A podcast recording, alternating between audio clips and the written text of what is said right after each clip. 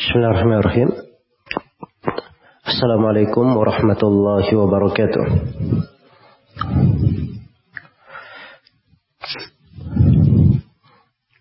Alhamdulillahi rabbil alamin. Wassalatu wassalamu ala al-mabawthi rahmatan lil alamin. Nabiina Muhammad wa ala alihi wa sahbihi. Wa man tabi'ahum bi ihsanin ila yaumiddin amma ba'd.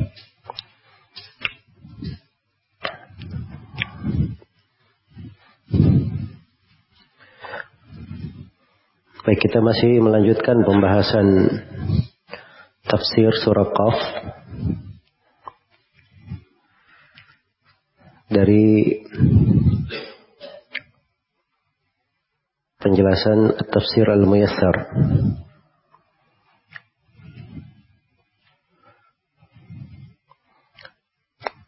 Pada pertemuan ini kita akan memulai insyaallah taala dari ayat yang ke 23. أعوذ بالله من الشيطان الرجيم وقال قرينه هذا ما لدي أتيد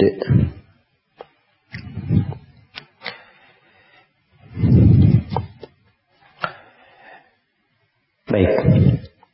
Jadi ayat-ayat yang kita akan baca ini ini masih ada kaitannya dengan pembahasan ayat-ayat sebelumnya. Di mana di ayat sebelumnya telah diterangkan bahwa wajahat kullu nafsin ma'aha sa'iqu wa syahid. Pada hari kiamat itu setiap jiwa akan datang bersamanya ada malaikat yang menggiringnya dada malaikat yang menyaksikan. Bisa diartikan begitu. Dan bisa diartikan syahid. Bersamanya ada yang menyaksikannya. Karena yang menyaksikan ini sudah berlalu, kita terangkan. Mungkin termasuk yang menyaksikan adalah anggota tubuhnya. Dan di sini dikatakan Waqala qarinuhu hada ma ladayya atid. Dan berkata qarinnya berkata qarinnya malaikat yang menyertainya hada ma ladayya atid. Inilah catatan amalannya yang tersedia pada sisiku. Iya. Dikatakan di tafsir Muyassar Wa qala al-malaku al-katibu syahidu alaihi dan berkata malaikat yang menulis dan menyaksikan terhadapnya. Dan berkata malaikat yang menulis dan menyaksikan terhadapnya.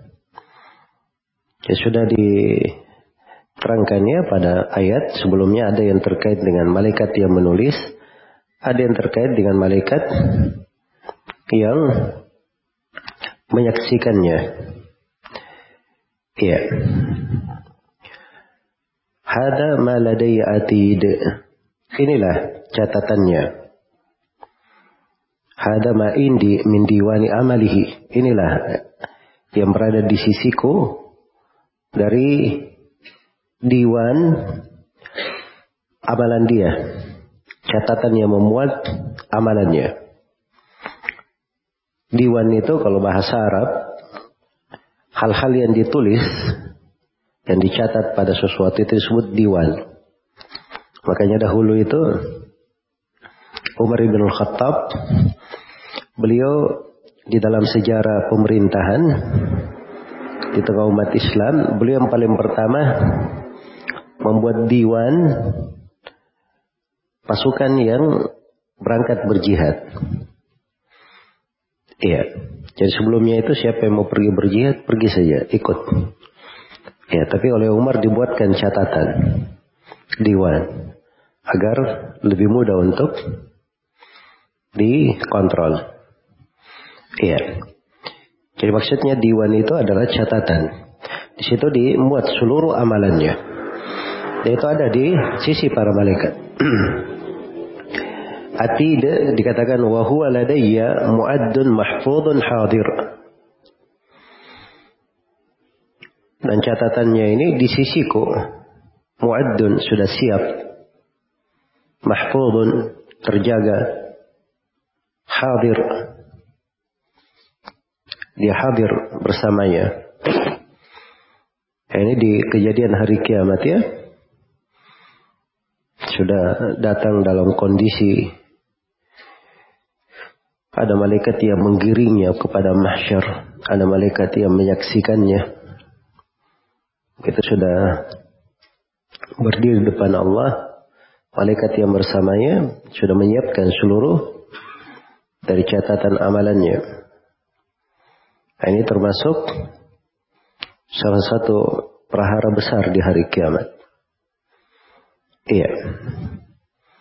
Itu hari kiamat menggetarkan hati membuat banyak kekhawatiran, perkara yang dahsyat, dengan berbagai sifat yang diterangkan di dalam Al-Quran tentang hari kiamat itu.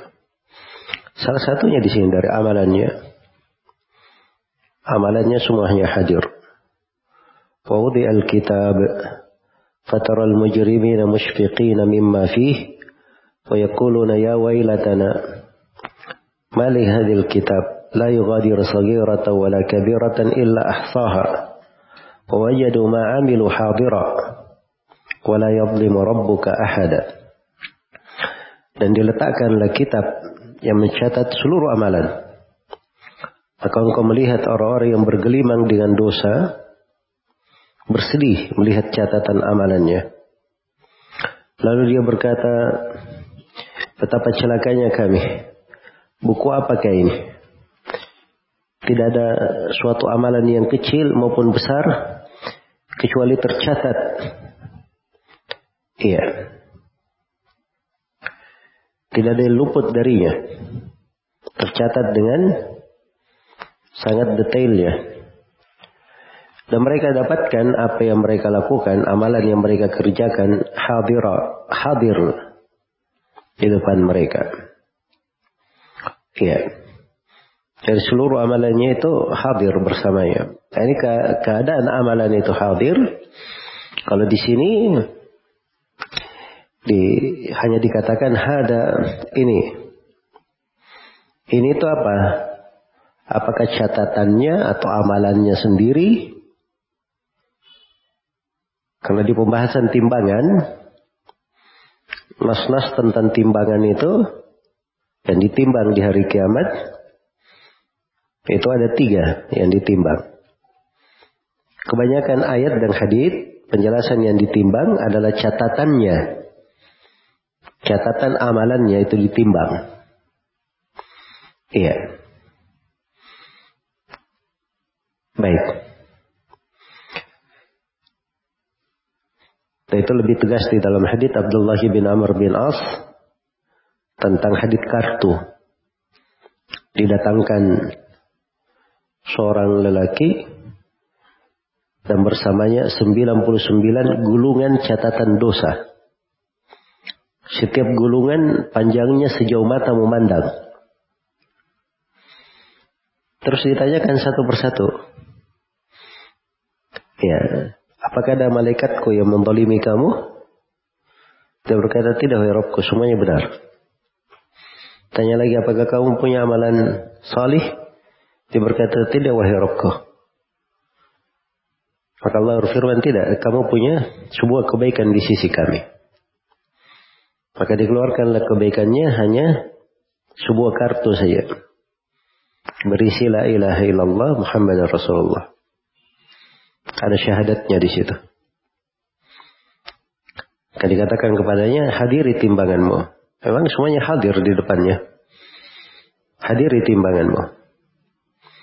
Maka diletakkanlah 99 gulungan catatan dosa ini di satu daun timbangan dan satu kartunya lagi di daun timbangan yang lainnya. Ternyata 99 catatan dosa ini, 99 gulungan catatan dosa ini terhempas ke atas. Kartu ini lebih berat. Ini luar biasa ya, keagungan tauhid. Ya tauhid itu adalah modal seorang muslim dalam kehidupannya. Itu yang paling dia jaga, paling dia pelihara. Artinya selalu dia pelajari. Iya. Nah, ini contoh ya, catatan amalan. Tapi ada sebagian hadis menunjukkan bahwa yang ditimbang itu amalannya sendiri. Amalannya sendiri, pahala dari amalannya. Nah, itu di hadis Abu Musa al-Asy'ari misalnya riwayat Muslim, Alhamdulillah tamlaul mizan. Subhanallah walhamdulillah tamlau wa tamla'ani ma bainas samai wal ard. Ucapan Alhamdulillah pahalanya memenuhi timbangan. Jadi pahala-pahala seperti ini itu hadir bersamanya. Disebut memenuhi timbangan. Iya. Memenuhi timbangan. Baik. Jadi kalau dikatakan hada ini itu kan kata tunjuk. Dan diterangkan yang ditimbang itu apa? Catatan yang di ini itu apa yang sudah siap yang hadir ini. Jelas ya? Walaupun kebanyakan ayat dan hadith itu terkait dengan catatan. Dan ada juga sebuah hadith yang ditimbang itu orangnya langsung ditimbang. Orangnya langsung dinaikkan ketimbangan. Itu dalam hadis riwayat Bukhari dan Muslim. Dari Abu Hurairah radhiyallahu anhu, Rasulullah sallallahu alaihi wasallam bersabda, "Yu'ta bi rajulin saminin yawmal qiyamah." Fala yuzanu 'inda Allahi janaha ba'udah. Akan didatangkan seorang lelaki yang gemuk pada hari kiamat. Tetapi timbangannya tidak senilai sayap nyamuk. Jadi ada orang yang seperti itu. Orangnya langsung ya ditimbang. Ada sebagian sahabat yang melihat kaki bin Mas'ud. Lalu mereka kelihatan apa namanya merendahkan Ibnu Mas'ud karena catat kakinya. Maka Nabi Shallallahu Alaihi Wasallam bersabda, tahukah kalian betis Ibnu Mas'ud ini ditimbangan Allah itu lebih berat daripada gunung Uhud. Lebih berat daripada gunung Uhud. Iya. Baik. Jadi maksudnya di sini bahwa ada maladaya atid. Seluruh amalannya itu itu semuanya sudah disiapkan, terjaga, hadir. Dia mau ke mana pada hari kiamat? Iya. Baik.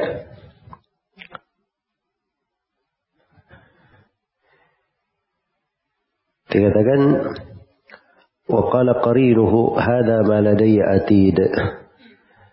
Dan berkata korinnya, korin orang yang mendustakan ini yang berpaling, maka berkata korinnya dari malaikat ini ada kemungkinan malaikat yang mencatat amalannya di dunia, ada kemungkinan malaikat yang disebut sebelumnya yang menggiringnya dan menyaksikannya. Dan korin itu bahasa untuk siapa yang selalu bersamanya. Siapa yang selalu bersamanya. Baik. Ibnu Jarir rahimahullahu taala memandang bahwa qarinuhu di sini ini mencakup semuanya. Mencakup malaikat yang menggirinya, yang menyaksikannya, itu masuk di dalamnya. Baik.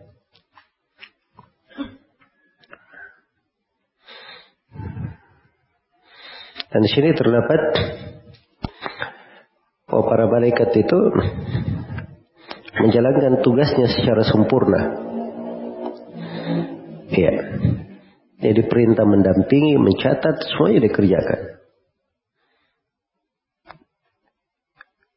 Karena dia memang diperintah untuk hal itu. Dan dari kepatuhan serta ketuntukan para malaikat, mereka laksanakan sebagaimana yang diperintah oleh Allah Subhanahu wa taala. Iya. Baik. Kemudian di ayat berikutnya dikatakan al-qiya fi jahannama kulla kaffarin anid. Al-qiya lemparkanlah. Lemparkanlah ke neraka jahanam oleh kalian berdua. Ini dua orang ya. Al-Qiyah itu dua orang. Kulla kafarin anid.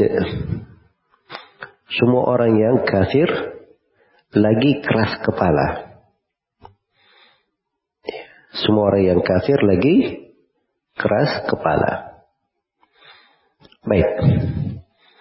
Jadi sini dikatakan al-qiyah lemparkanlah oleh kalian berdua. Sini sebagian ulama ada yang berkata Al-Qiyah dua orang di sini. Berarti yang dimaksud adalah malaikat yang menggiring dan malaikat yang menyaksikan. Ya kan? Nah, keduanya diperintah. Iya. Dan sebagian ulama berkata tidak. Yang dimaksud satu orang saja. Maksudnya satu malaikat. Korinnya itu. Korinnya. Satu korin saja. Karena ini kaitannya dengan korinnya. Jadi korinnya kita sudah menghadirkan amalannya. Ya. Maka di korinnya pun diperintah untuk melemparkannya ke dalam neraka jahanam. Tapi kalau satu orang kenapa pakai bahasa dua? Nah, itu muncul pertanyaan. Kenapa pakai bahasa Alkia? Lemparkanlah oleh kalian berdua, kan begitu? Padahal cuma satu orang. Ini ada uslub bahasa Arab ya. Orang Arab itu kalau dia ingin menegaskan sesuatu, kadang dia pakai bahasa dua. Kalau ingin menegaskan sesuatu. Iya. Misalnya si anak ini disuruh pahami. Ifhamid dars. Ifhamid dars artinya pahami pelajaran, kan begitu? Pahami pelajaran. Begitu? Salam. Nah, begitu mau ditau, ditaukid, dipastikan, lebih ditegaskan, biasanya mereka memakai kata ifhama ad-dars. Tapi untuk satu orang. Untuk satu orang. Baik. Nah itu ada ya uslub penggunaan di dalam bahasa Arab. Di dalam bahasa Arab. Baik. Iya. Jadi dibangun di atas keduanya juga tidak ada masalah. Yang jelas malaikatnya atau korinnya itu diperintah untuk melemparkan ke dalam neraka jahanam kulla kafarah setiap orang yang kafir setiap orang yang kafir anid lagi anid kita lihat di tafsir Muyassar dikatakan yaqulullahu lil malakaini as-sa'iq wasyahid Allah berfirman kepada dua malaikat malaikat yang menggiring dan menyaksikan ini di tafsir Muyassar diarahkan kepada ayat yang ke-21. Iya. Dan ini boleh ya, ini salah satu pendapat. Tapi kalau pendapat lain diarahkan kepada ayat 23, kembali kepada Korin, maka kata dua di situ itu hanya bermana taukid, penegasan. Bermana penegasan. Baik. Nah ini salah satu manfaat ya mempelajari tafsir Al-Quran, kita pelajari mana-mana kalimat. Karena kalimat-kalimat bahasa Arab itu mendalam. Karena itu Al-Quran itu tidak bisa diterjemahkan. Al-Quran tidak bisa diterjemahkan. Yang bisa diterjemahkan itu maknanya. Makna dari Al-Quran. Itu kan kalau kita baca terjemahan mana Al-Quran, itu diberi pendekatan. Kalau kita masuk di dalamnya, ya sudah kita dengar ya berbagai ayat. Dalam satu ayat kadang ada dua makna, ada tiga makna. Dan tiga makna itu semuanya benar. Semuanya itu benar. Jadi bisa diterjemah begini, bisa diterjemah begini. Iya. Tapi kalau seorang paham penafsirannya, nah ini akan lebih membawanya kepada keindahan makna. Akan menjadi sebab yang kuat membantunya khusyuk di dalam membaca Al-Quran. يقول الله للملكين السائق والشهيد بعد أن يفصل بين الخلائق Kemudian Allah berfirman kepada dua malaikat yang menggiring dan yang menyaksikan. Setelah ditafsil, setelah diputuskan antara makhluk. Setelah diputuskan antara makhluk maksudnya setelah dihisap semuanya. Sudah dibagi kitabnya itu penyebutan kitab ya. Kemudian sudah dihisap. Sudah ditentukan siapa penduduk sorga, siapa yang diperintah ke sorga, siapa yang diperintah ke neraka. Iya. Jadi itu sudah ditafsil namanya. Baik. Alqiya fi jahannam kulla jahidin. Lemparkanlah ke neraka jahannam kulla jahid semua orang yang membangkang. Semua orang yang menentang. Kathiril kufri wa taklid billah. Orang yang banyak kekafiran dan pendustaan kepada Allah. Mu'adidin lil haq. Mu'anidin lil haq. Keras kepala terhadap kebenaran. Iya. Ini di sini dua dua sifat ya di dalam ayat. Kulla kafarin anid. Nah ini semuanya siga mubalaghah dalam bahasa Arab. Apa itu siga mubalaghah? Dan kita belajar sedikit ya bahasa Arab. Sebab ini kunci-kunci memahami makna juga. Siga mubalaghah itu menunjukkan makna lebih. Makna lebih. Iya. Baik. Kalau dikatakan misalnya uh, apa namanya fulanun alim, si fulan ini alim, alim itu berilmu. Iya, itu isim fa'il ya biasa. Tapi kalau isim fa'ilnya dibuat siga mubalaghah menunjukkan mana lebih, dikatakan si fulan alam. Iya, si fulan ini sangat berilmu. Ada tambahan sangatnya. Sebab menunjukkan mana apa? Mana lebih. Nah, karena itu kata-kata seperti ini di, ada timbangannya ya. Kafir artinya dia kafir. Tapi kalau kafar itu sangat kafir. Sangat kafir. Iya. Sama dengan anid. Anid, anid Nah, itu pembangkang, keras kepala. Tapi kalau anid, nah, itu sangat pembangkang. Sangat keras kepala. Baik. Nah, ini dua sifat ya. Al-kufur wal inat. Al-kufur wal inat. Iya. Baik. Nah, ini dua sifat. Inilah sifat orang yang dilemparkan ke dalam neraka lemparkan ke dalam neraka. Makanya diterangkan sifat-sifat itu supaya jelas. Jangan kita bersifat dengan sifat-sifat yang seperti itu. Lemparkan ke dalam neraka jahanam. Kulla kafarin. Setiap orang yang sangat kafir. Dibahasakan tafsir Mesir. Kulla jahidin. Setiap orang yang menentang. Kathiril kufri wa taklibi billah. Banyak kafir dan mendustakan Allah. Yaitu kafar.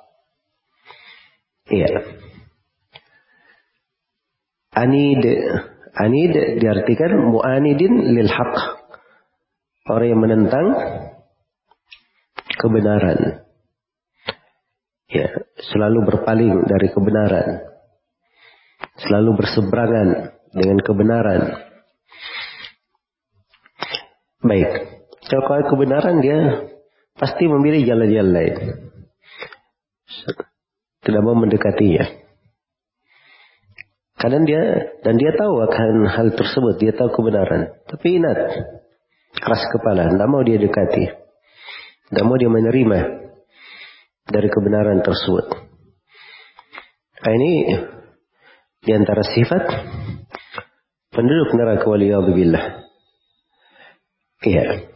Kemudian di ayat berikutnya dari sifatnya manna'il lil khairi mu'tadim murib. Manna'il lil khair. Orang yang selalu menghalangi kebaikan, mu'tadin melampaui batas, murib dan banyak keraguan. Banyak keraguan. Ini tiga sifat lain. Tiga sifat lain. Dikatakan di tafsir Muyassar, manna'in li'adai ma alaihi min al-huquqi fi malihi. Manna'il lil khair, al khair itu perhatikan di situ al khair. Al khair kalau diartikan apa artinya secara kebaikan kan? Al khair. Tapi perlu diketahui ya bahwa al khair kadang bermana harta. Bermana apa? Bermana harta. Ya. Wa innahu lihubbil khairi lasyadid. Itu ayat. Sungguhnya dia cinta kepada harta. Kecintaannya kepada harta itu sangat berat. Sangat besar kecintaannya kepada harta. Tapi bahasanya harta di situ al khair. Ya. Sama di surah Al-Baqarah, in taraka khairan tentang wasiat. Kalau dia meninggalkan khairan, khairan di situ harta. Nah, itu yang memang diwasiatkan. Bukan sekedar dia ada amalan sholat kebaikan. Bukan itu yang dimaksud. Tapi yang dimaksud dengan khair adalah apa? Harta. Nah di sini mana lil khair bisa diartikan orang yang banyak menahan kewajiban hartanya. Ya. Karena itu Al-Bagawi menafsirkan orang yang menahan mengeluarkan zakat wajibnya. Dan setiap hak yang wajib pada hartanya. Zakat wajib dia tahan. Nafkah kepada istri dan anak-anaknya dia tahan. Ya. Bahkan kalau dia mempekerjakan orang, upahnya dia tahan. Selalu dia potong. Jelas ya? Nah, ini masuk di dalam manain lil khair. Kalau al khair diartikan sebagai apa? Diartikan sebagai harta. Tapi kalau al-khair diartikan dengan mana umum, kebaikan, itu masuk di dalam cakupan orang yang menahan kebaikan. Iya. Orang yang menahan kebaikan. Seperti orang yang tidak menyambut silaturahmi, tidak berbakti kepada orang tua, eh? Atau dihalang-halangi orang dari menuntut ilmu agama, dihalang-halangi manusia dari melakukan ibadah. Nah itu sama, masuk juga di dalam cakupan mandail lil khair. Baik.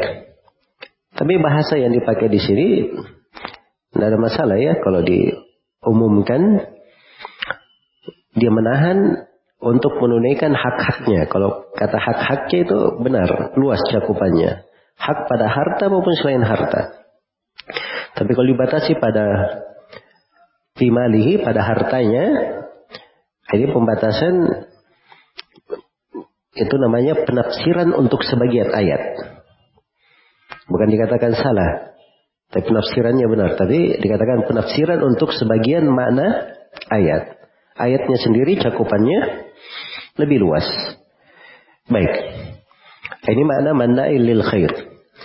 Mu'tadin ini sifat yang ketiga di ayat ini. Di ayat yang ke-25. Mu'tadin dari kata i'tida. I'tida itu artinya melampaui batas. Artinya melampaui batas. Dia melampaui batas dalam apa? Dikatakan mu'tadin ala ibadillah wa ala hududihi. Dia melampaui batas terhadap hamba-hamba Allah. Dan melampaui batas terhadap batasan-batasan Allah. Iya. Yang dalam hidup itu, dalam kehidupan kita ini hidup ada batasannya. Ada batasannya. Ada saudara-saudara kita, ada manusia secara umum, ya bukan cuma muslim, termasuk non-muslim. Itu ada batasan-batasan yang diletakkan oleh syariat. Tidak boleh kita melampaui batas, menginjak batasan itu, melanggarnya. Sebagaimana Allah telah menetapkan hal-hal yang diperintah, hal-hal yang dilarang, itu disebut hududullah. Batasan-batasan Allah. Dan batasan-batasan Allah kita dilarang untuk melewatinya. Jangan keluar darinya. Iya. Jangan keluar darinya. Karena itu dikatakan tilka hududullah fala ta'taduha. Itulah batasan-batasan Allah. Jangan kalian melampauinya. Jangan kalian melewatinya. Penafsirannya di sini indah ya. Katakan tafsir Mayassar mu'tadin ala ibadillah wa ala hududihi. Dia melampaui batas terhadap hamba-hamba Allah dan melampaui batas terhadap batasan-batasan yang Allah tetapkan. Iya. Baik. Ada yang menafsirkan dengan bahasa lain, dia melalui melampaui batas dalam ucapannya, dalam berjalannya, dalam perintahnya kepada Allah. Iya. Baik. Nah ini semuanya masuk ya di teks ayat. Mu'tadin orang yang berlebihan melampaui batas. Murib. Ini sifat yang ketiga. Iya. Sifat yang ketiga. Murib. Dikatakan di sini tafsir Muyassar. Syakun fi wa'dihi wa wa'idihi. Dia ragu di dalam janji dia ragu tentang janji Allah dan tentang ancaman Allah. Ini murib. Banyak keraguan. Ragu apa? Dia meragukan janji Allah. Sebagaimana dia meragukan ancaman Allah. Meragukan ancaman Allah. Dua bentuk. Dan semuanya tercakup ya. Nah ini sifat-sifat orang yang dilemparkan ke neraka jahanam. Jadi kalau kita gabungkan dengan ayat sebelumnya, ini sudah lima sifat. Lemparkan ke neraka jahanam satu, setiap orang kafir. Kedua, anit, setiap orang yang keras kepala. Yang ketiga, hmm, mana'il lil khair. Orang yang selalu menahan dari kebaikan atau menunaikan hak-hak. Kemudian yang keempat, mu'tadin, orang yang melampaui batas. Dan yang kelima, murib, orang yang ragu. Dia ragukan janji Allah. Allah janjikan sorga, dia ragu. Iya. Orang yang kafir diancam dengan neraka, dia tidak yakin itu. Dia meragukannya. Nah, ini syakun namanya. Murib. Jelas ya? Ini semuanya lima sifat penduduk neraka. Untuk apa diterangkan? Untuk kita hindari. Kita hindari sekaligus kita beramal kebalikannya. Kalau orang yang beriman itu amalannya adalah kebalikan dari amalan orang-orang kafir. Karena itu orang yang beriman, dia tidak ada kekafiran. Yang ada keimanan. Keimanan, ketundukan kepada Allah. Orang yang beriman itu tidak ada keras kepala. Yang ada dia menerima. Taat. Sami'na wa ta'ana. Orang yang beriman itu tidak ada menahan dari harta. Menahan hak-hak. Yang ada adalah mereka lancar di dalam menunaikannya. Orang yang beriman itu tidak ada eh, tidak. Dia selalu di atas batasan. Sesuai dengan batasan. Iya. Orang yang beriman itu tidak ada keraguan. Yang ada dia yakin. Dia punya keyakinan. Iya. Baik, sebagaimana Al-Quran itu tidak ada keraguan, maka orang-orang yang beriman juga tidak ada keraguan akan keimanan mereka. Baik. Kemudian ayat yang ke 26 ini juga masih sifat orang yang dilemparkan ke dalam neraka. Jadi ini sudah sifat yang keenam kalau ini. Alladhi ja'ala ma'allahi ilahan akhar fa'alqiyahu fil adabi syadid. Orang yang menjadikan bersama Allah sembahan yang lain. Maka lemparkanlah oleh kalian berdua orang tersebut ke dalam siksaan yang sangat pedih. Iya. Dikatakan di tafsir Muyassar, Alladhi asyraka billah fa'abada ma'ahu ma'budan akhar min khalqihi. Yaitu orang yang berbuat kesyirikan kepada Allah. Di mana dia beribadah kepada sesembahan lain dari makhluk Allah, dia sembah bersama dengan Allah. Itu kesyirikan namanya. Jelas ya? Jadi kalau seorang misalnya ada ibadah kepada Allah murni, tapi ada ibadah juga kepada selain Allah, ah, itu musyrik berbuat kesyirikan. Nah, itu kaum musyrikin di masa Nabi. Yang dikatakan musyrikin, mereka ada ibadahnya. Ada hal yang melakukan, mereka lakukan ikhlas karena Allah. Tapi kesyirikannya juga ada. Bersama dengan itu, mereka semuanya bukan muslim. Karena kesyirikan ini, ini pembatal keislaman yang paling besar. Iya. Apalagi kalau orang tidak ada ibadahnya sama sekali. Dia 100% ibadahnya kepada selain Allah. Maka ini lebih kafir lagi. Baik. Jadi ini sudah enam sifat ya semuanya. Sampai dengan sifat yang terakhir. Maka diperintahkan lagi penegasan. Al-qiyahu fil adabi syadid. Lemparkanlah dia dalam siksaan yang pedih. Di tafsir Muyassar di sini katakan fal-qiyahu fi adabi jahannam syadid. Lemparkanlah dia ke dalam neraka jahanam. Siksaan neraka jahanam yang sangat dahsyat. Lemparkan oleh dia kepada siksaan neraka jahanam yang sangat dahsyat. Baik. Selesai di sini. Pembahasan bagaimana orang yang mendustakan berpaling dari agama dilemparkan ke dalam neraka jahanam waliyadzubillah. Nah ini sifat-sifatnya. Jangan sampai kita bersifat dengan sifat-sifat tersebut. Setelah itu diterangkan bagaimana kondisi apa di dalam neraka ketika syaitan ya berbicara. Dikatakan wa qala qarinuhu taib baik. Qala qarinuhu rabbana ma ataghaituhu walakin kana fi dhalalin ba'id. Dan berkata qarinnya, ini qarin lain ya. Ya, dan berkata qarinnya.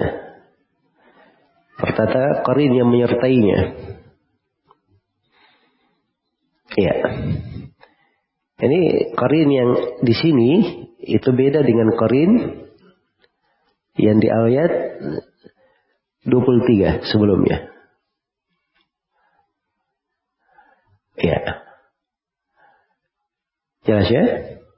Itu bahasa Arab seperti itu ya. Kalau sesuatu itu sudah jelas, arahnya ke mana, kembalinya ke mana. Atau memang ingin diglobalkan mana, maka disebut dengan sebuah penamaan itu maknanya lebih mendalam. Maknanya lebih mendalam. Nah itu uslub ya dalam bahasa Arab. Qala qarinuhu dan berkata qarinnya. Qarinnya di sini maksudnya syaitan yang bersama dia di dunia. Iya. Syaitan yang bersama dia di dunia. Baik. Karena memang orang itu dia ada korin yang bersamanya. Ada korin yang bersamanya. Siapa pun dari manusia itu ada korin yang bersamanya. Ya sampai Nabi Shallallahu Alaihi Wasallam ada korinnya juga. Tapi korinnya Allah membantu. Tapi Rasulullah bersabda Allah membantu saya sehingga korinku ini aslam itu bahasa aslam itu ada dua penafsiran ya. Di haditsnya di sahih muslim. Ada mengatakan korinya masuk Islam. Masuk Islam ya, bila tidak diganggu lagi. Tadi mengatakan bahwa Nabi itu dibantu oleh Allah sehingga beliau selamat dari gangguan si korin. Aslam bermana beliaunya yang selamat dari gangguan si korin. Iya. Jadi ada korin yang menyertainya. Ada korin yang bersamanya. Iya. Jadi korinnya ini pada hari kiamat, ya, syaitan ini terkait dengan masih di pembahasan orang yang dalam neraka jahanam ini ya. Maka syaitan yang merupakan korinnya di sini di dunia itu berkata, "Ma ataghaituhu." Saya tidak membuat dia melampaui batas. Iya, saya tidak menyesatkan dia. Tetapi dialah yang berada di dalam kesesatan yang sangat jauh. Ini perdebatan antara penduduk neraka dan antara siapa yang menyesatkannya.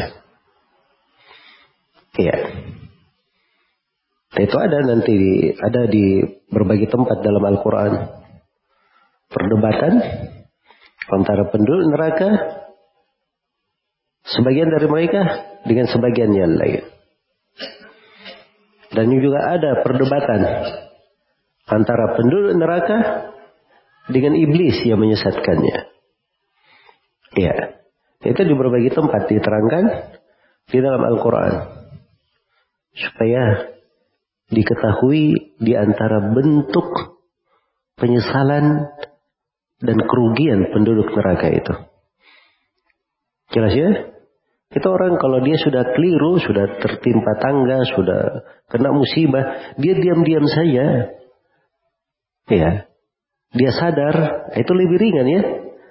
Tapi kalau dia sudah keliru, sudah kena musibah, setelah itu dia salahkan lagi orang lain ribut. Nah, itu tambah kesengsaraan namanya. Semakin menjadi tidak tenang. Nah, itu keadaan penduduk neraka. Ribut antara penduduk neraka. Maka korinnya ini dia berlepas diri. Dia berkata saya tidak sesatkan orang ini. Justru dia memang yang berada di dalam kesesatan yang sangat nyata. Kesesatan yang sangat besar. Baik. Di tafsir Muyassar dikatakan ya. Qala syaitanuhu alladhi kana ma'ahu fid dunya berkata syaitannya yang bersama dia di dunia ya. Rabbana ma adlaltuhu wahai Rabb kami saya tidak menyesatkan dia walakin kana fi tariqin ba'idin an sabilil huda tetapi dialah yang berada di jalan yang jauh dari jalan petunjuk. Ya, jadi orang ini yang jauh dari jalan petunjuk. Bukan saya menyesatkannya kata syaitan. Jadi syaitannya sendiri sudah apa? Berlepas diri dari orang ini. Ya. Coba bayangkan ya, Nasallallahu al-afiyah. Ya. Paling tidak, kalau dia berkata, iya benar, saya menyesatkan kamu. Itu agak ringan sedikit, begitu kan? Nah, ini tidak berlepas diri. Ya, bertambah, naudzubillah, kesusahan di atas kesusahan. Masya Allah, wassalamah. Semoga Allah menjauhkan kita semua dari api neraka. Baik. Nah, ini di dalam Al-Quranul Karim diterangkan ya berbagai di beberapa tempat tentang bagaimana kondisi mereka ketika berada di dalam neraka. Iya. Di antaranya penyesalan orang-orang yang beribadah kepada selain Allah mengikuti jalan selain jalannya Ar-Rasul. Dia menyesal pada hari kiamat. Wa yawma ya'addu dhalimu ala yadayhi dan ketika orang yang zalim menggigit kedua tangannya. Nah, ini di antara bentuk penyesalannya pada hari kiamat. Eh, kalau di dunia kadang orang menyesal saking dahsyatnya musibah itu, kadang dia menangis sambil dia gigit tangan jarinya, satu jari. Ini tidak dua tangan yang masuk ke mulutnya. Dahsyatnya penyesalan pada hari tersebut. Iya. Dan syaitan sendiri itu berkhutbah di neraka. Dia berkata, "Wa qala syaitanu lamma qudiyal amru, inna Allah wa'adakum wa'adal haqqi wa wa'adtukum fa akhlaftukum. Wa ma kana li 'alaykum min sultan illa an da'utukum fastajabtum li, fala talumuni wa lumu anfusakum." Ya.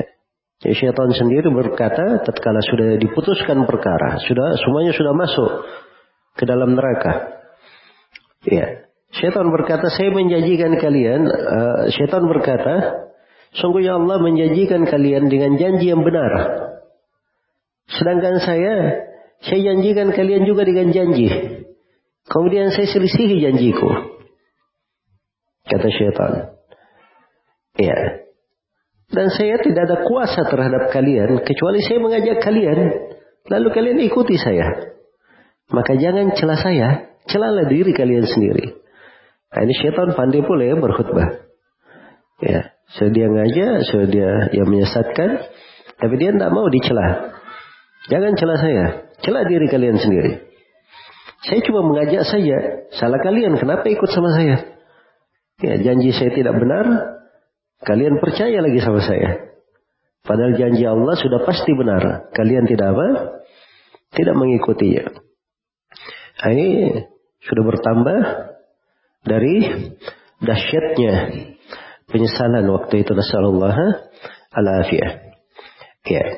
Sebagaimana disebutkan di dalam Al-Quranul Karim, bagaimana apa namanya orang-orang yang zalim itu di ketika sudah berdiri juga di depan Allah, ya sebagian dari mereka menuduhkan kepada sebagian yang lain. Maka orang-orang yang ditindas di atas muka bumi berkata kepada orang yang bersombong, menyesatkan mereka. Mereka berkata, andai kata bukan karena kalian, kami ini sudah menjadi orang yang beriman. Ya. Maka orang-orang yang bersombong ini berkata kepada orang yang lemah tadi, apakah kami yang melarang kalian dari petunjuk ketika petunjuk datang kepada kalian? Tidak, bahkan kalian ini memang orang-orang mujrim. Kalian ini mujrim.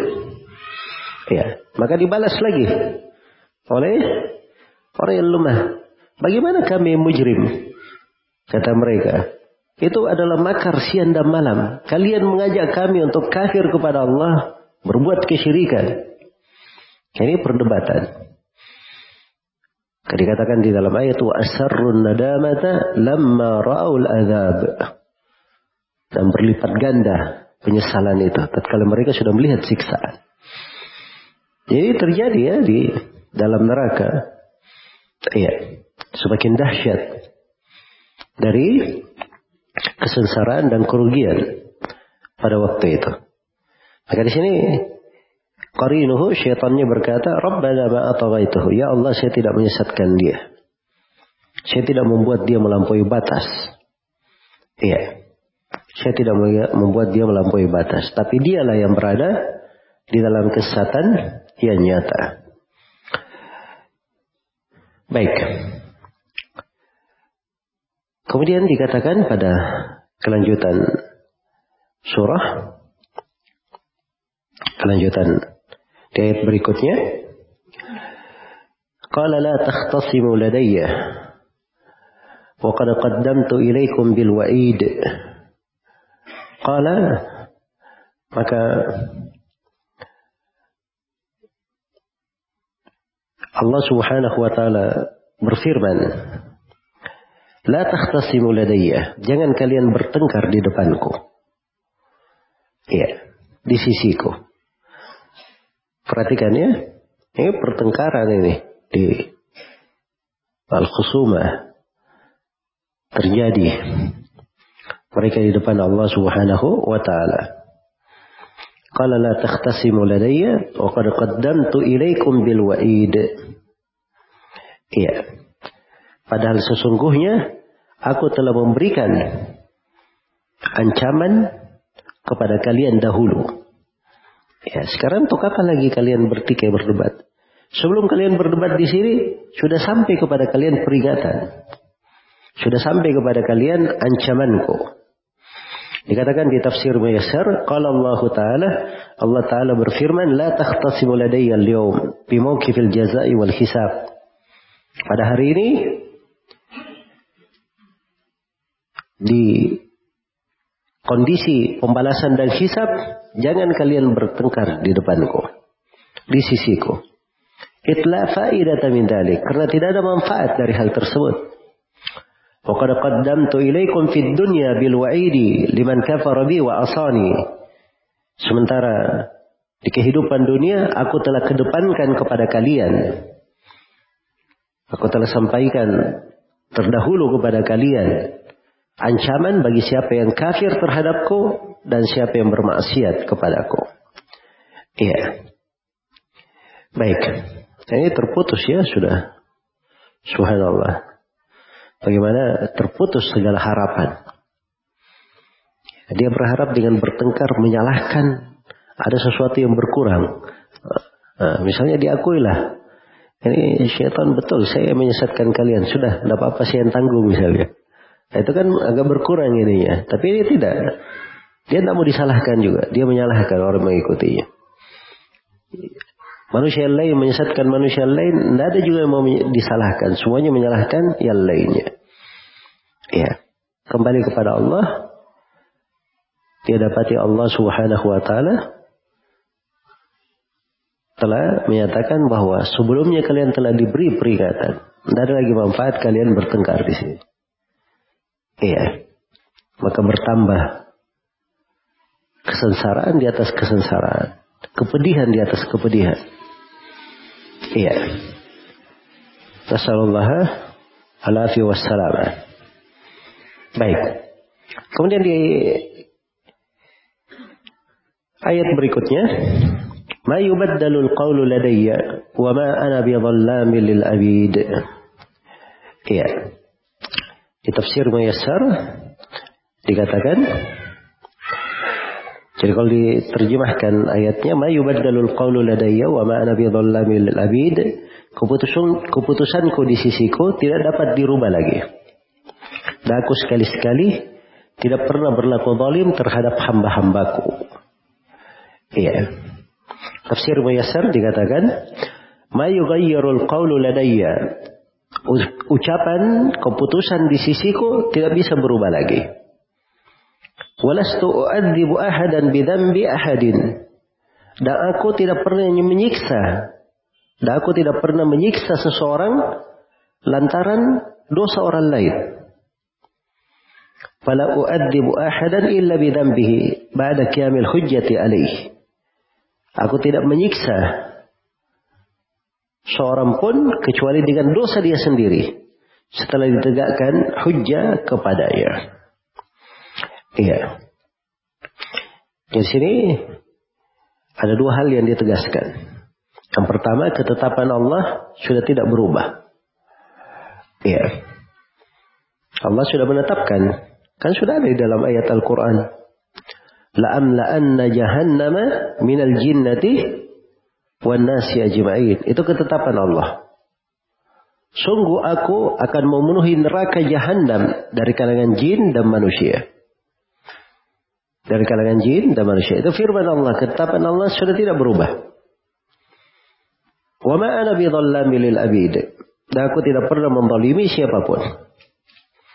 Iya, mereka hanya disiksa, dihukum sesuai dengan kadar amalannya masing-masing. Itu yang mereka lakukan, itu pula balasannya. Apa saja yang dia kerjakan, kecil maupun besar, itu pula yang dia dapat. Kebaikan maupun kejelekan, dia dibalas sesuai dengan apa yang dia lakukan. Dan ini Diterangkan di dalam banyak ayat. فَمَنْ يَعْمَلْ مِثْقَالَ دَرَّةٍ خَيْرًا يَرَهُ وَمَنْ يَعْمَلْ مِثْقَالَ دَرَّةٍ شَرًّا يَرَهُ Siapa yang beramal satu darah dari kebaikan, dia akan melihat kebaikannya. Sebagaimana siapa yang beramal satu kejelekan, satu darah dari kejelekan, dia akan melihat amalannya tersebut. Tidak ada yang dizalimi. Iya. Sini tegaskan, "Wa ma ana bidhallamin abid." Daku sama sekali tidak pernah membalimi hamba-hambaku. Tidak pernah membalimi hamba-hambaku. Iya. Baik. Karena ketentuan Allah bahwa neraka jahanam itu akan dipenuhi dari kalangan jin dan manusia. Ya. Maka diterangkan di sini bagaimana ucapan neraka itu.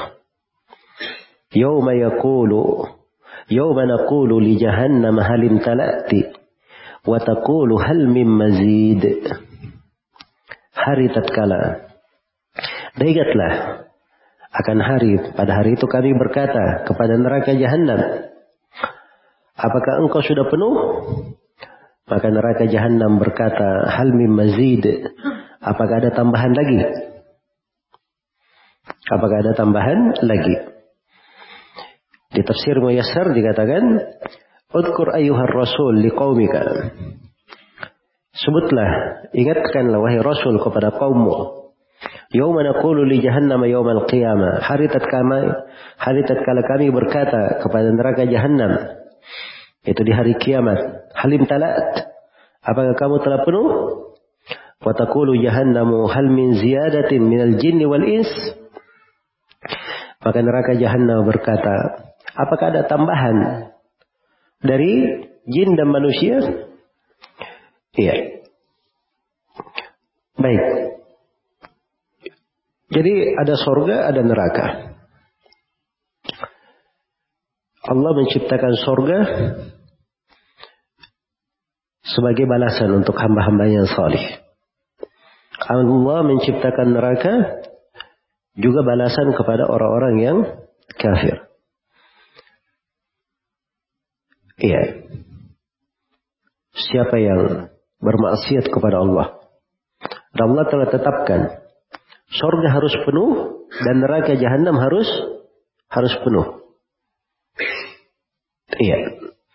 Dan itu diterangkan di dalam hadis Rasulullah SAW riwayat Bukhari dan Muslim. Likullin minkuma mil'uha. Setiap dari kalian berdua harus penuh. Maka neraka jahanam ini, dia terus berkata, hal min mazid. Apakah ada tambahan? Ada tambahan. Terus minta tambahan. Iya. Sampai habis semua orang yang masuk ke dalam neraka jahanam. Dan neraka masih minta tambahan. Dikatakan di sini tafsir Muyassar, fayada'ur Rabb jalla jalaluh qadamahu fiha. Maka Allah Rabb jalla jalaluh meletakkan kakinya di neraka jahanam. Fayanzawi ba'duha ba'duha ila ba'd. Maka neraka jahanam ini pun menghimpit, menyempit sebagiannya ke sebagian yang lain. Ya, dia jadi menyempit, mengecil. Sampai Watakulu sampai dia berkata qat qat ay hasbi. Sampai dia berkata cukup cukup. Saya sudah sudah penuh. Ya. Qadim tala'at Laisa fiyya mazid. Qadim talatu laisa fiyya mazid. Kata neraka jahanam saya sudah penuh. Tidak ada lagi tambahan padaku. Itu neraka jahanam. Dia penuh. Tapi kalau sorga, sorga juga penuh. Begitu penduduk sorga sudah masuk, ya, penduduk sorga sudah masuk, dan luasnya sorga ini tidak bisa digambarkan ya, gimana luasnya. Tidak bisa dibayangkan saja. Orang yang paling terakhir masuk ke sorga itu, orang yang mendapatkan berapa kali lipat daripada apa yang di kehidupan dunia. Ya, di bahkan di sebagian riwayat dia disuruh berkhayal apa yang dia inginkan. Terus dia berhayal, berhayal, berhayal sampai putus yang bisa dihayalkan. Sampai nggak ada lagi yang bisa dihayalkan. Kemudian diberi untuk dia 10 kali lipat. Ini orang yang paling terakhir masuk surga. Tapi bersama dengan itu surga masih lapang. Masih luas. Belum penuh. Maka Allah ciptakan dari makhluk-makhluk yang memenuhi sorga itu. Allah ciptakan dari makhluk-makhluk yang memenuhi sorga tersebut sampai sorganya penuh. Jelas ya? Nah inilah sorga dan neraka. Nah di sini didahulukan penyebutan neraka. Sebab jiwa itu kadang seperti itu jiwa. Dia diberi ancaman itu lebih cepat mengenah Iya. Lebih cepat mengena. Tetapi dari kebesaran Allah Subhanahu wa taala ya tidak disebut neraka saja, tapi disebut juga setelahnya sorga sebagai kebalikannya. Karena dalam agama ini tidak ada bentuknya ancaman-ancaman saja. Hanya membuat khauf saja. Dalam agama ini ada dua, ada khauf dan ada Roja, ada rasa takut dan ada rasa harapan. Ada ancaman tapi ada janji. Kabar gembira juga. Iya. Karena itu Nabi dua sifatnya. Bashiran wa nadira. Pemberi kabar gembira dan pemberi peringatan. Pemberi peringatan. Dan itu di banyak tempat dalam Al-Quran. Karena itu kalau kita baca Al-Quran, ketika disebut satu sudut dari hal yang menakutkan, maka pasti di surah itu ada juga hal yang disebutkan menggembirakan. Iya. Ada yang kanan, ada yang kiri. Ada penduduk surga, ada penduduk neraka. Ada orang yang bertakwa, ada orang yang tidak bertakwa. Iya. Demikian seterusnya. Baik. Maka disebutkan di ayat berikutnya, ayat yang ke-31, wa uzlifatil jannatu lil muttaqina ghayra ba'id dan didekatkanlah surga itu untuk orang yang bertakwa. Baik ini perlu kita jelaskan lebih ini ya terkait dengan surga karena ini ada sifat-sifat dari sifat-sifat penghuni surga kelihatannya ringkas memang ya kalimat dalam ayat-ayatnya tapi cakupan dari kalimat-kalimat ini sifat-sifat ini perlu kita renungi ya waktunya masih ada sedikit untuk tanya jawab saya. Baik. Kita cukupkan dulu untuk materi di hari ini. Insya Allah ta'ala kita akan sambung pada pertemuan yang akan datang. Bismillah ta'ala. Baik. Ada pertanyaan sampai sini? Baik. Bagaimana mengkompromikan antara Allah tidak menyiksa seorang lantaran dosa orang lain. Yaitu kalau ayatnya wala taziru waziratun wizra ukhra. Seorang itu tidak menanggung dosa orang lain. Bagaimana dengan uh, apa namanya? Hadith man sanna fil islami sunnatan sayyi'atan fa alaihi wizruha wa wizru man amila biha. Siapa memberi contoh dengan contoh yang buruk, maka dia dapat dosanya dan dosa orang yang menanggungnya. Ini tidak bertentangan ya. Sebab orang yang menanggung dosa, orang yang datang setelahnya, itu karena perbuatan dia. Dia memberi contoh. Nah, karena perbuatan dia memberi contoh diikuti oleh orang-orang.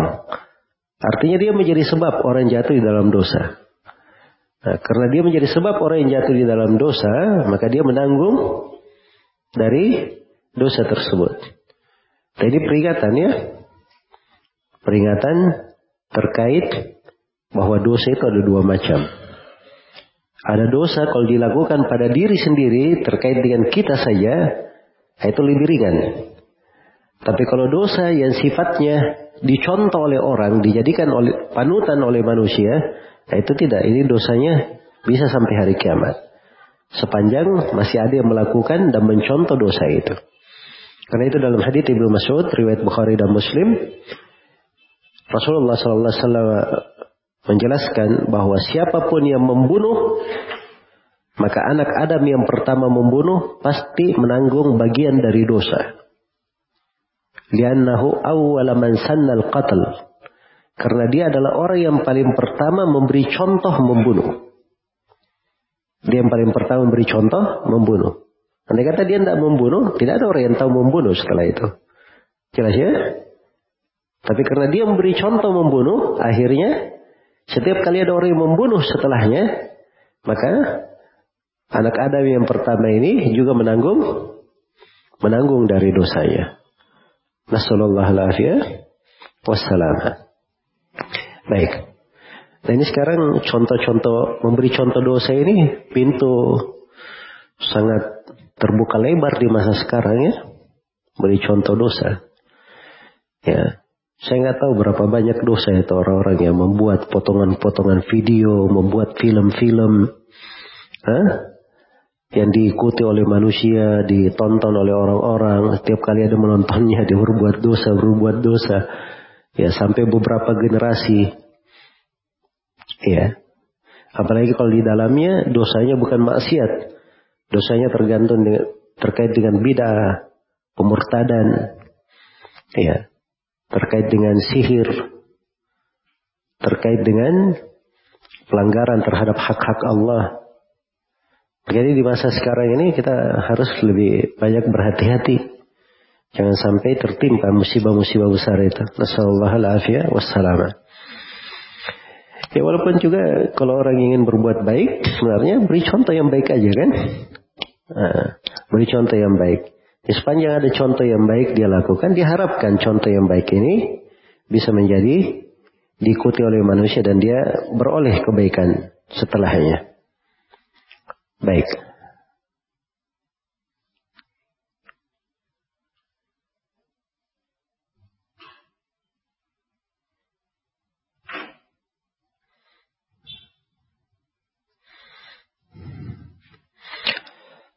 Bagaimana memberitahu kepada anak yang masih usia SD tentang dai yang sunnah atau dai bidah? Karena paparan media yang banyak, maka terkadang terbaca atau terlintas video-video dai yang bukan ahli sunnah. Bagaimana uh, sing maksudnya dikhawatirkan mempengaruhi anak. Ya kalau memang diperlukan untuk anaknya, itu memang bagian dari pendidikan. Bagian dari pendidikan. Iya. Karena itu di sebagian anak muda para sahabat itu telah menghafal dari Rasulullah Sallallahu Alaihi Wasallam jenis-jenis dari larangan-larangan, hal-hal yang tidak boleh untuk dilakukan. Karena memang itu perkara yang perlu, ya diperlukan. Jadi kalau dia misalnya ketemu anaknya misalnya melihat kepada tontonan dai yang mengajak kepada sun uh, kepada bid'ah bisa membahayakan agamanya, dia katakan bahwa ini jangan dilihat. Kalau dai ini dia berbahaya atau ada pemikiran bid'ah. Iya. Kalau misalnya si anak bertanya sesuatu tentang hal tersebut, dia terangkan sebagian hal yang cukup sesuai dengan kondisi anak tersebut. Dan itu tidak ada masalah insya Allah ta'ala. Itu bagian dari penjagaan. Dan inilah termasuk kita di masa sekarang ya, memang tanggung jawab di dalam mendidik itu semakin besar saja. Ya apalagi kalau memang kita berikan kepada anak ya sesuatu yang membuat dia menjadi luas bacaannya. Ya, jadi memberi fasilitas internet itu memang pedang bermata dua. Ya bisa bermanfaat, bisa juga menebas diri sendiri. Ya nasallallahu alaihi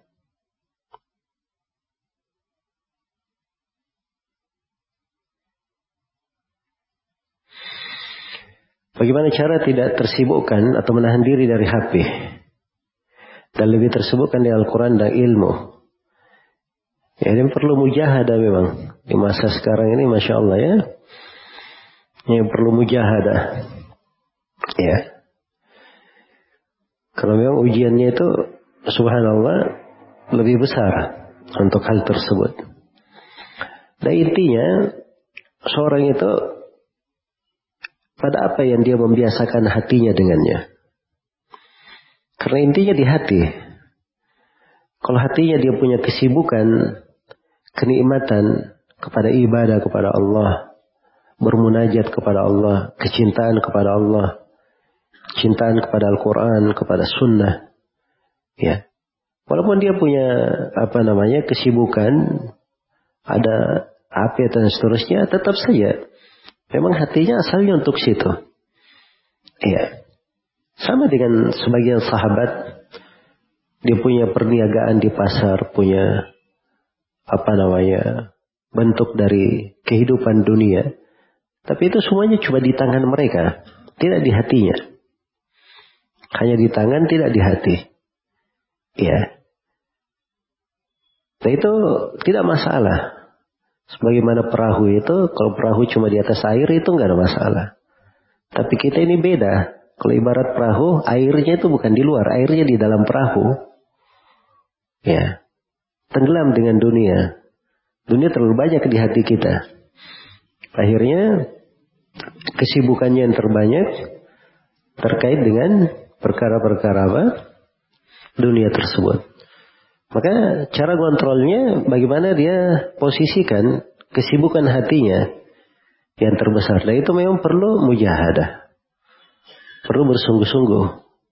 Dia perlu atur bagaimana dia kondisikan hatinya. Dia harus pandai melihat bentuk-bentuk ketaatan. Yang dengannya dia bisa menyibukkan hatinya. Nah, jadi kalau penanya menyebut di sini, belajar Al-Quran dan ilmu ini Masya Allah ya luar biasa. Ya kalau memang serius dengan hal tersebut, dia pelajari Al-Quran dan ilmu-ilmu agama dengan benar, maka insya Allah Ta'ala itu obat yang sangat mujarab sekali. Iya. Karena orang kalau sudah sibuk dengan Al-Quran dan ilmu, itu waktunya 24 jam sedikit bagi dia. Sedikit bagi dia. Iya. Semoga Allah Subhanahu wa taala memberi taufik kepada semuanya.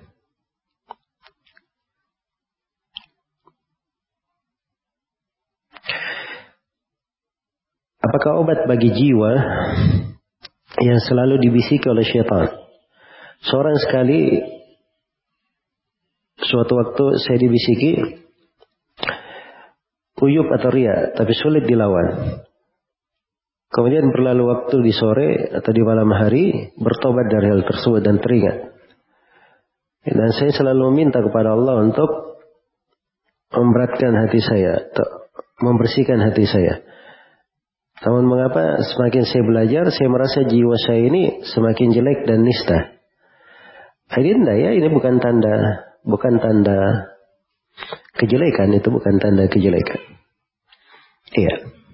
Seorang itu kalau dia semakin paham tentang ilmu, dia belajar tentang sesuatu, kemudian dia kembali kepada dirinya, kadang dia akan seperti itu. Ya melihat bahwa dirinya ini banyak hal yang perlu dia perbaiki. Maka dia benci dirinya sendiri. Karena mungkin banyak dosa dan maksiat pada diri yang harus diperbaiki. Tapi itu jangan dijadikan sebagai hal yang memutus dari jalan. Iya. Dijadikan sebagai cara untuk memperbaiki diri. Ya. Cara untuk memperbaiki diri. Soalnya seorang belajar tentang bab ikhlas. Setelah dia tahu ikhlas, dia periksa dirinya. Oh selama ini saya ini banyak bolongnya di ikhlas. Mungkin ikhlasnya sedikit atau jauh dari ikhlas. Dia benci dirinya. Akan hal tersebut. Iya. Maka ini hal yang bagus ya. Hal yang bagus. Adapun keberadaan seorang itu kadang dia dibisiki oleh sesuatu ya dia tidak bisa lawan atau sulit dia lawan, kalau dia kadang-kadang seperti itu, eh namanya manusia terjatuh pada kesalahan satu dua kali itu Tidak ada masalah. Apalagi kalau dia bertobat setelahnya itu ciri kebaikan. Kalau dia bertobat setelahnya. Sebab seorang mukmin seperti itu. Walladzina idza fa'alu fahishatan aw anfusahum dzakarullaha fastaghfaru lidunubihim. Apabila dia melakukan kekejian atau mendalimi dirinya, mereka segera mengingat kepada Allah. Dan mohon ampun akan dosa-dosanya. Mohon ampun kepada dosa-dosanya. Nah, sisa, kalau dia sudah terpapar sekali oleh syaitan di masalah itu, nah jangan dia terjatuh untuk kedua kalinya. Dia harus belajar bagaimana menghadapi syaitan. Nah itu sifatnya orang-orang yang bertakwa. Bukan ciri orang yang bertakwa tidak pernah kena dosa. Nah, tidak ada orang yang bertakwa itu tidak pernah jatuh dalam dosa. Orang yang bertakwa itu pernah jatuh dalam kesalahan, pernah jatuh dalam dosa. Iya. Jelas ya? Tapi kesalahan dan dosa itu membuat dia menjadi lebih baik. Itu orang yang bertakwa. Karena itu dikatakan dalam Al-Quran, Innal ladhina taqaw, idha massahum ta'ifun minasyaitani tadakkaru, faidahum mubsirun.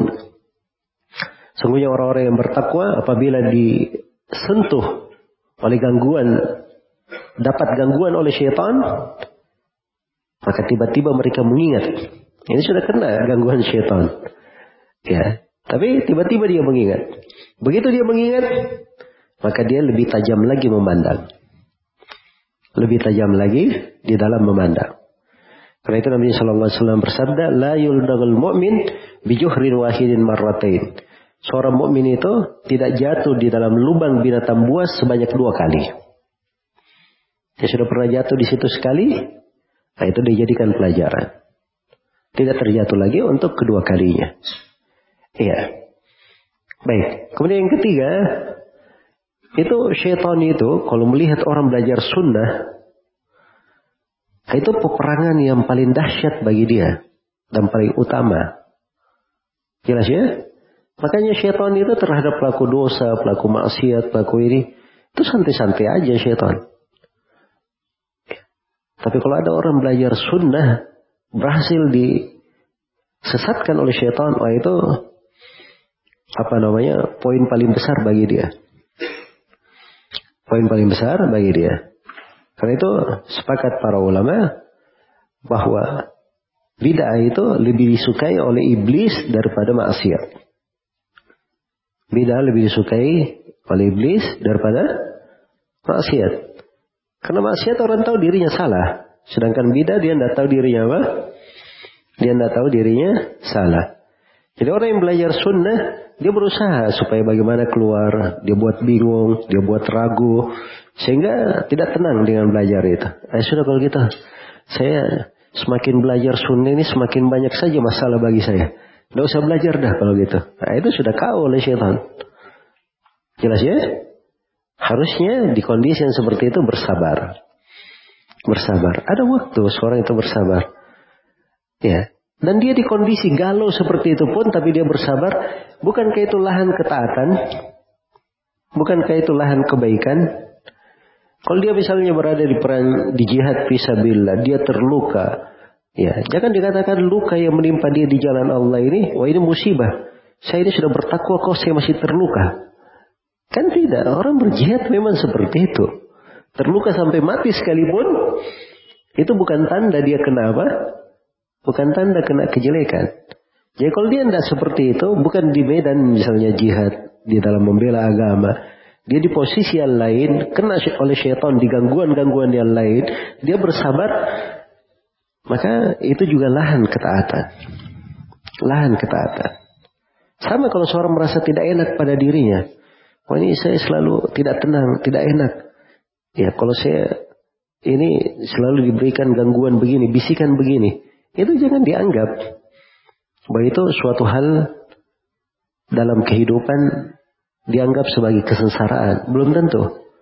Hal-hal yang pahit itu, kalau kita menghadapinya dengan sabar, berbaik sangka kepada Allah, mengharap pahala dari Allah, dan ingin istiqomah di atas sunnah, hal-hal yang pahit ini bisa berubah menjadi catatan-catatan ketaatan.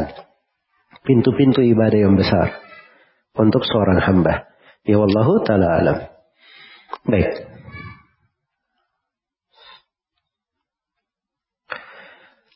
Apakah makhluk-makhluk yang Allah ciptakan untuk memenuhi sorga dari kalangan malaikat atau yang lainnya? Wallah alam ya. Saya sendiri belum pernah ke sana. Ya saya belum tahu. Nah itu. Ya. Dan mudah-mudahan kita semua ke sana insya Allah. Ya. Dan kita nanti melihatnya makhluknya dari apa. Kalau sekarang nggak ada perlunya kita tanya. Ya kan? Yang penting sekarang bagaimana caranya kita masuk surga. Baik, ada pertanyaan lain? Hah? Korin.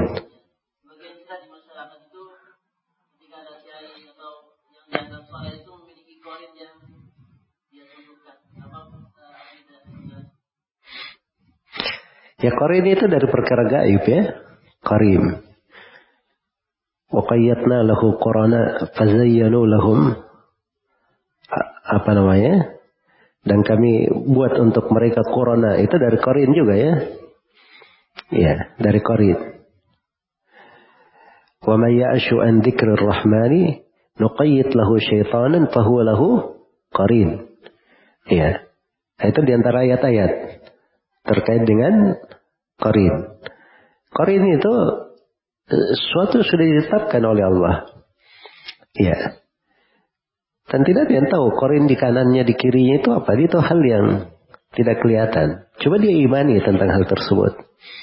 Ya, faedah mengimaninya apa? Dia berhati-hati. Pertama dia berhati-hati. Ada malaikat di kanan dan kiri yang mencatat. Terus juga ada kejelekan-kejelekan yang mungkin saja berada di sekitarnya bisa membahayakannya. Karena itu dia berlindung dari gangguan syaitan. Kemudian yang ketiga dari faidahnya, dia banyak berzikir kepada Allah. Dia jaga dikir paginya, dikir sorenya, dikir selepas sholatnya, dikir ketika akan tidurnya, ketika bangun tidur, dan hal-hal yang lainnya. Iya. Tapi kalau masuk di dalam timbangan, bahwa dia punya korin. Korin ini tunduk sama saya, anak buah saya. Nah itu dia dapat dari mana yang kayak gituan? Itu masuknya di pembahasan orang memikirkan karoma untuk dia. Nah itu biasanya masuk di dalamnya orang-orang tasawuf yang banyak berpikir seperti itu. Sebab orang yang salih, kesalihannya itu bukan buk, terbukti dengan karoma. Walaupun dia misalnya punya pasukan jin, ya itu belum tentu karoma bagi dia. Belum tentu karoma bagi bagi dia. Jelas ya? Mungkin saja itu musibah bagi dia. Dia bisa melihat jin. Nah ini mungkin dia kesurupan. Kok bisa melihat jin? Kan begitu? Ya. Jadi hal-hal yang seperti ini, ini perkara-perkara yang gaib itu tidak dijadikan ukuran beban di dalam syariat. Nabi Wasallam tatkala menjelaskan tentang setiap orang itu ada korinnya dan ada ayat-ayat sebagiannya saya sebutkan tadi Bersama dengan itu tidak terlihat di dalam kehidupan Nabi, terlihat dalam kehidupan para sahabat. Ya, selain dari mana-mana yang telah kita sebutkan. Dari memperbaiki ibadah kepada Allah, banyak berzikir kepadanya, hati-hati dari makar-makar syaitan, dari tipu daya syaitan, dan semisal dengan itu. Ya wallahu ta'ala alam. Baik. Selesai? Baik, kita cukupkan di sini. Mudah-mudahan apa yang kita dengarkan di kajian kali ini bermanfaat untuk semuanya dan saya mohon maaf atas segala macam kekurangan. Wallahu taala alam. Subhanakallahumma wa bihamdik. Asyhadu an la ilaha illa anta. Astaghfiruka wa atubu ilaik. Walhamdulillahi alamin. Wassalamualaikum warahmatullahi wabarakatuh